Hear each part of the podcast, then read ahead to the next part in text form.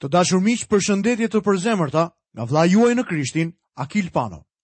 Ju uroj mirëseardhje në emisionin e sotëm, emision në të cilin ju ftoj të qëndroni së bashku me mua, në mënyrë që të lejojmë Perëndinë të ndërtojë jetën tona në besimin më të shenjtë, në fjalën e Perëndisë. Në këtë emision do të ndalemi në kapitullin e 11 nga letra e dytë e apostullit Pal drejtuar Korintasve. Përligjja e apostullimit të Palit. Apostulli Pal në këtë kapitull shkruan në mënyrë shumë personale dhe intime. Ai u kujton këtyre njerëzve se ata janë bashkuar me Krishtin e gjallë dhe shpreh interesimin e tij të madh për ta. Mund t'ju them se mesazhi i kësaj letre ka qenë i dobishëm për mua. Kam kaluar një kohë të mirë duke e studiuar atë dhe kam zbuluar se kishte një mesazh të vërtetë për zemrën time. Kjo ngjarje përfundimtare e letrës së Korintasve trajton thirrjen e apostullit Pal. Në kapitullin e 10, ne pamë vërtetimin e apostullimit të Palit. Ndërkohë që në kapitullin e 11 mbërrijmë në një pjesë mjaft personale që është përligjja e apostullimit të tij. Lexojmë nga vargu i parë dhe i dytë. O sa do të dëshiroja që ju të duronit pak marrëzi me mua, po në fakt ju më duroni. Jam xheloz për ju me xhelozinë e Perëndisë, sepse ju fejova me një burrë që t'ju nxjerr përpara Krishtit si virgjëreshë të dlirë.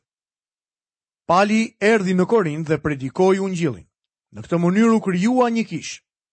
Lexojmë më poshtë vargun e tretë. Por druaj se ashtu si gjarpri gënjeu Evën me dinakërinë e tij, kështu edhe mendja juaj të mos prishet duke u shmangur nga thjeshtësia ndaj Krishtit. nuk mund ta mbitheksoj nevojën për më shumë thjeshtësi në ndarjen e fjalës së Zotit. Shumë nga predikuesit tanë të rinj janë produkte të seminareve që përpiqen të trajnojnë intelektualë. Një ditë isha duke dëgjuar njërin prej tyre. Të them të vërtetën nuk po e merrja vesh se për çfarë po fliste. Pas 15 minutash u binda që ai nuk e dinte as vetë se çfarë po fliste. Njerëz të tillë përpiqen që të tregohen sa më shumë intelektualë të munden dhe në fund përfundojnë duke mos thënë asgjë.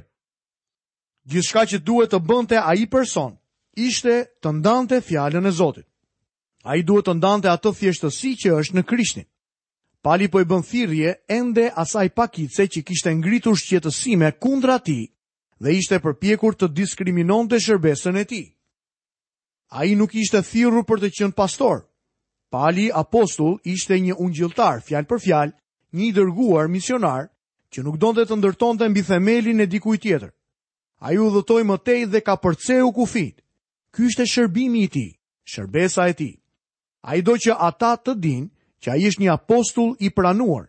Ai shkruan, "Jam xheloz për ju me xhelozinë e Perëndisë." Përse po e bënte Pali veten një të marrë për ta? Edhe pse ai do të dëshironte më shumë të kalonte kohë duke u folur atyre për Krishtin, sesa duke mbrojtur veten, tani është e nevojshme mbrojtja e vetes. Ai thotë, "Duroni pak marrëzi me mua." Ai e përmend këtë disa herë në këtë kapitull. O sa do të dëshiroja që ju të duronit pak marrëzi me mua. Por në fakt, ju më duroni.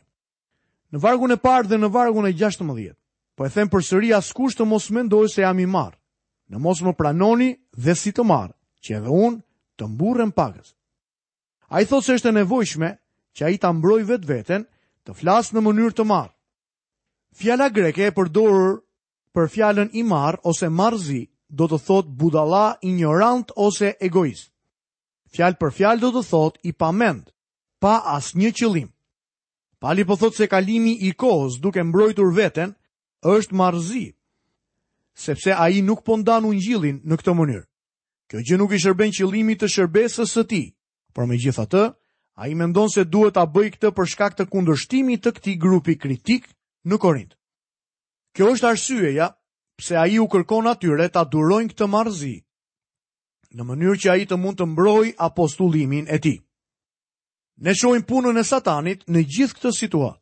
Në fillim në kishën e hershme, djalli përdori metodën e persekutimit, por ai zbuloi që ai nuk po e ndalonte dot shpërndarjen e krishterimit. Fakti është se kisha nuk ishte rritur kurrë më parë si 100 vitet e para pasi kishte jetuar Krishti. Ajo përfshiu perandorinë romake dhe në vitin 315 pas Krishtit Kishte shkuar në çdo cep dhe qoshe të kësaj perandorie. Kjo ndodhi gjatë periudhës së persekutimit. Kur djalli e pa që persekutimi nuk e ndaloi kishën, ai ndryshoi taktikat duke u futur në kishë. Kështu ai filloi ta dëmtonte kishën nga brenda. Ai e bën ende këtë gjë. Ai sulmon vlefshmërinë e fjalës së Zotit dhe përpiqet të zhvlerësojë ungjillin. Nëse edhe kjo gjë nuk funksionon, atëherë përpiqet të diskreditojë njeriun që predikon ungjillin. Kështu ai u përpoq të diskreditonte apostullin Pal. Pali e tha mjaft qartë që ai do të donte më shumë të predikonte ungjillin sesa të kalonte kohë duke mbrojtur veten e tij. Ai merr kohë për të mbrojtur veten, vetëm sepse është xheloz për korintasit. Ai i donte ata dhe ka frikë se mos mashtrohen nga satani, kështu siç u mashtrua Eva. Pali e dinte se Satani punonte, prandaj thotë, Kështu edhe mendja juaj të mos prishet, duke u shmangur nga thjeshtësia ndaj Krishtit.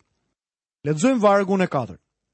Sepse po të vinte dikush dhe t'ju predikonte një Jezus tjetër që ne nuk e kemi predikuar, ose të merrnit një frymë tjetër që nuk e kemi marrë, ose një ungjill tjetër që nuk e keni pranuar, do ta duronit fort mirë. Ne sot përballemi ende me problemin e predikimit të një Jezusi tjetër, një tjetër fryme dhe një tjetër ungjilli. Disa vite më parë doli një studio në Amerikë prodhimi muzike e quajtur Jezu Krishti Superstar, që mohonte hyjninë e tij dhe prezantonte një Jezus që nuk kishte jetuar kurrë. Ky ishte Jezusi i liberalizmit, i veshur me një rrobë të re. Jezusi i liberalizmit nuk ka ekzistuar kurrë. Nëse mohojnë lindjen nga një e virgjër të Jezusit, atëherë ata janë duke folur për një Jezus tjetër dhe jo për Jezu Krishtin e Biblës. Nëse nuk besojnë që ai kreu mrekulli, atëherë kanë një Krisht tjetër në mendje, sepse Jezu Krishti i ungjijve kreu shumë mrekulli.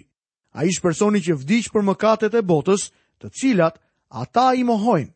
Ata mohojnë se Krishti u ngrit prej së vdekurish fizikisht. Mohojnë se ai është Perëndia njeri. Megjithatë një nga kredot më të vjetra të besimit deklaron se Jezu Krishti është 100% Perëndi dhe 100% njeri. Nëse kjo mohohet, atëherë ne po na prezantohet një Jezus tjetër. Lexojmë poshtë vargun e 5. Unë mendoj se nuk kam qenë aspak më poshtë nga apostujt më të shquar. Unë do ta klasifikoja Palin si apostullin numër një. Ai thotë se nuk është i fundit nga apostujt. Ai do që këta korintas ta dinë se ai është apostull njëlloj siç kanë qenë edhe të tjerët. Fakti që erdhi tek ata si tendëbërës dhe eci në zemërbutësinë dhe mirësinë e Krishtit, nuk do thotë aspak që nuk është një apostull. Besoj se e shikoni që Pali është i detyruar që të mbrojë veten e tij. Lexojmë vargun e gjashtë. Dhe megjithëse jam i thjeshtë në të folur, nuk jam i tillë në dituri. Madje me të gjitha mënyrat dhe në të gjitha gjërat, jua kemi treguar. Pali ishte një njeri brilant, e megjithatë përdori një gjuhë të thjeshtë kur foli me njerëzit. Pali apostull thotë se ai ishte i thjeshtë në të folur. Mendoj se ai adoptoi gjuhën që korintasit do ta kuptonin dhe mendoj se ishte një afrim i thjeshtë. Gjithsesi, Pali ishte një njeri i shkëlqyer. Nga letrat e tij kuptohej se ai kishte shkallën më të lartë të inteligjencës që mund të ketë patur një njeri që ka ecur në këtë tokë. Lexojmë vargun e shtatë deri në vargun e nëntë. Mos vallë bëra mëkat duke e ulur veten time që të lartësoheni ju, sepse ju kam predikuar falas ungjillin e Perëndisë. Unë shfrytëzova kishat e tjera duke marrë një rrogë që t'ju shërbej juve. Dhe kur isha midis jush dhe isha nevojtar, nuk iu bëra barrë askujt, Sepse nevojat e mia i plotësuan vëllezërit që erdhën nga Maqedonia, dhe në çdo gjë u ruajta që të mos ju bëhem barrë ju, edhe për të ardhmen do të ruhem. Pali nuk i lejoi Korintasit ta mbështetnin financiarisht. Atij iu desh të punonte shumë për të bërë tenda. Disa njerëz të tjerë i dërgonin ndihma në mënyrë që të kalonte kohë duke predikuar ungjillin, por Korintasit në fakt nuk e ndihmuan. Fakti që duart e tij ishin me kallo nuk ka të bëjë aspak me faktin se ishte një apostull i jashtëzakonshëm. Lexojmë vargjet 10 deri 12. Duke qenë se e vërteta e Krishtit është në mua, kjo mburrje për sa më përket mua nuk do të më ndalohet në vendet e Akaisë. Përse? Ndoshta sepse nuk ju dua. Perëndia e di. Por atë që bëj do ta bëj përsëri, që t'u pres çdo shkas atyre që duan shkas, që ata të gjenden si edhe ne në atë gjë për të cilën mburren. Pali thotë se ai është duke u mburrur sepse kjo është e vërteta dhe sepse ai është xheloz dhe ka frikë për ta.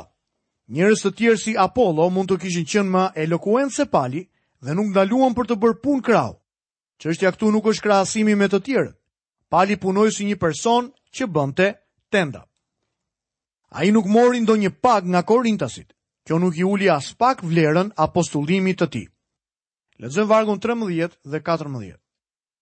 Të tillë apostuj të rremë janë punëtorë hileqarë që shndërrohen në apostuj të Krishtit. Dhe nuk është për t'u çuditur sepse Satani vetë shndërrohet në engjëll drite.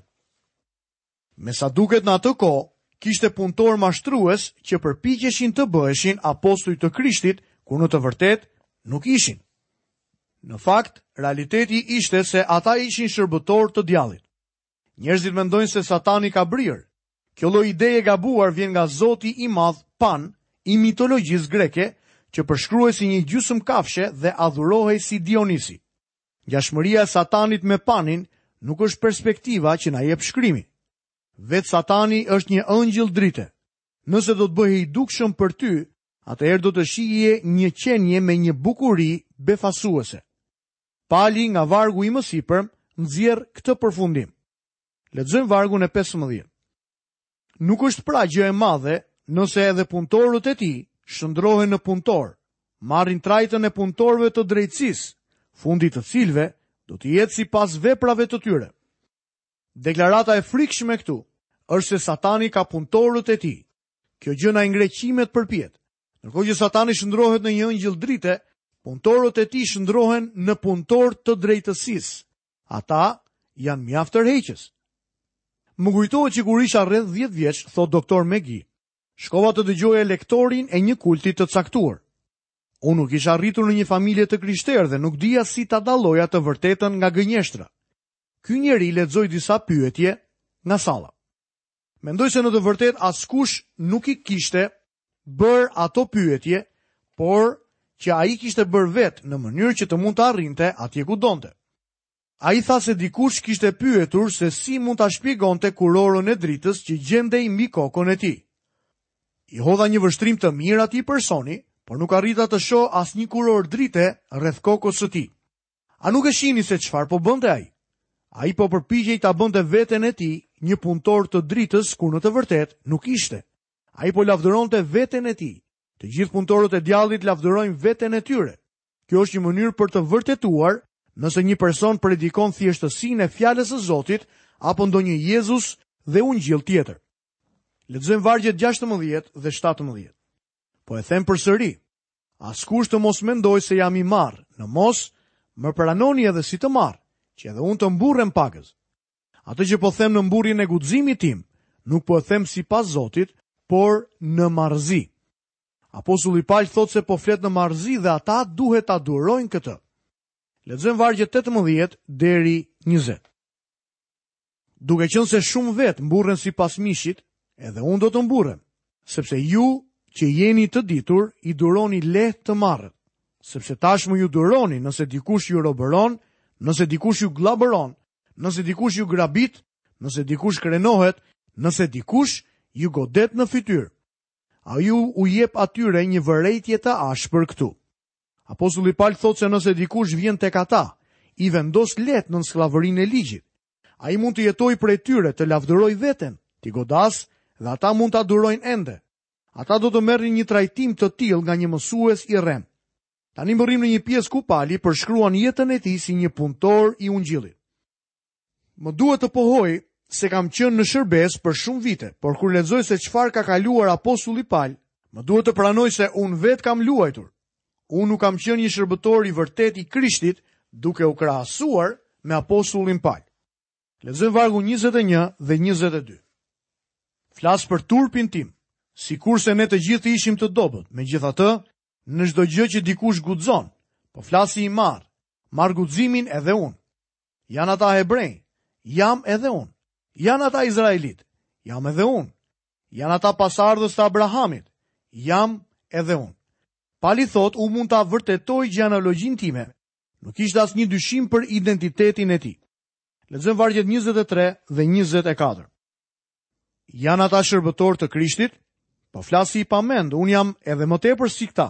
Në mundime më tepër, në goditje më tepër, në burgje më tepër dhe shpesh në rrezik për vdekje. Nga judenjtë mora 5 herë nga 40 kamxhikë pa një. Judenjtë atë kohë kishin një metodë rrahjeje me 39 kamxhikë. Për të parandaluar vrasjen e një personi, ata aplikonin goditjen e 13 kamxhikëve nga njëra anë trembëdhjetë kamxhikëve nga ana tjetër dhe trembëdhjetë kamxhikëve të tjerë në kurriz. Pali kishte provuar këtë lloj torture 5 herë. Lexojmë vargjet 25 deri 27. Tri herë më rrahën me shkopinj, një herë më qëlluan me gurë, tri herë m'u mbyt anija në det, Kalova një ditë e një natë në humnerë, në udhëtime të shpeshta, në rreziqe lumenjsh, në rreziqe kusarësh, në rrezik nga ana e bashkatdhetarëve, rreziqe nga ana e johebrenjve, rreziqe në qytet, rreziqe në shkretëtirë, rreziqe në det, rreziqe midis vëllezërve të rremë, në lodhje e në mundim, në netët pa gjumë, në uri e në etje, shpeshherë në agjërime, në të ftohtë dhe në të zhveshur. Sa prej nesh sot, mund të thonë se kanë kaluar përmes qoftë edhe një pjese të vogël të kësaj përvoje.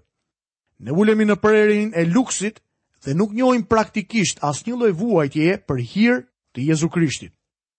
Lexojmë vargun e 28. Përveç këtyre gjërave të jashtme, ajo që më mundon çdo ditë është kujdesja për të gjitha kishat. Shumë prej nesh që mund të jenë pastorë, kanë përjetuar barrën e një kishe. Mirëpo apostulli Pal kishte barrën e të gjitha kishave. Ne njohim shumë pak nga ajo që tregohet këtu. Lexojmë vargjet 29 deri 33. Kush është i dobët që të mos jem edhe unë? Kush është skandalizuar dhe unë të mos përvëlohem? Në qoftë se duhet të mburrem, unë do të mburrem me ato që kanë të bëjnë me dobësinë time. Perëndia dhe ati i Zotit tonë Jezu Krisht që është i bekuar përjetë, e di se unë nuk gënjej. Në Damask qeveritari i mbretit Areta e ruante qytetin për të më zënë, por nga një dritare më ulën përgjatë murit me një shportë dhe shpëtova nga duart e tij. Sa e sikletshme duhet të ketë qenë të uleshe poshtë murit me një shportë. Kur shkoj për të mbajtur një takim në një qytet, ata më vendosin në hotelin më të rehatshëm dhe më mikpritës të qytetit. Pritem me shumë dinjitet. Tani imagjinoni pak Palin apostullin të ulur përgjatë murit me një shportë për të shpëtuar nga ata që mezi po prisnin për ta vrarë atë. Sa e sikletshme. Pali e bëri të gjithë këtë për hir të Jezusit. Miku im, mos u mburr për atë që vuan për Krishtin. Më dëgjo. Më dëgjo edhe një herë. Ne të gjithë duhet të ulim kokat tona në turp dhe të themi, O Zoti Jezus, më ndihmo të jem i vërtetë për ty. Më ndihmo të jem besnik ndaj teje. E pra me këto fjalë, dëshiroj që të mbyll dhe studimin për sot.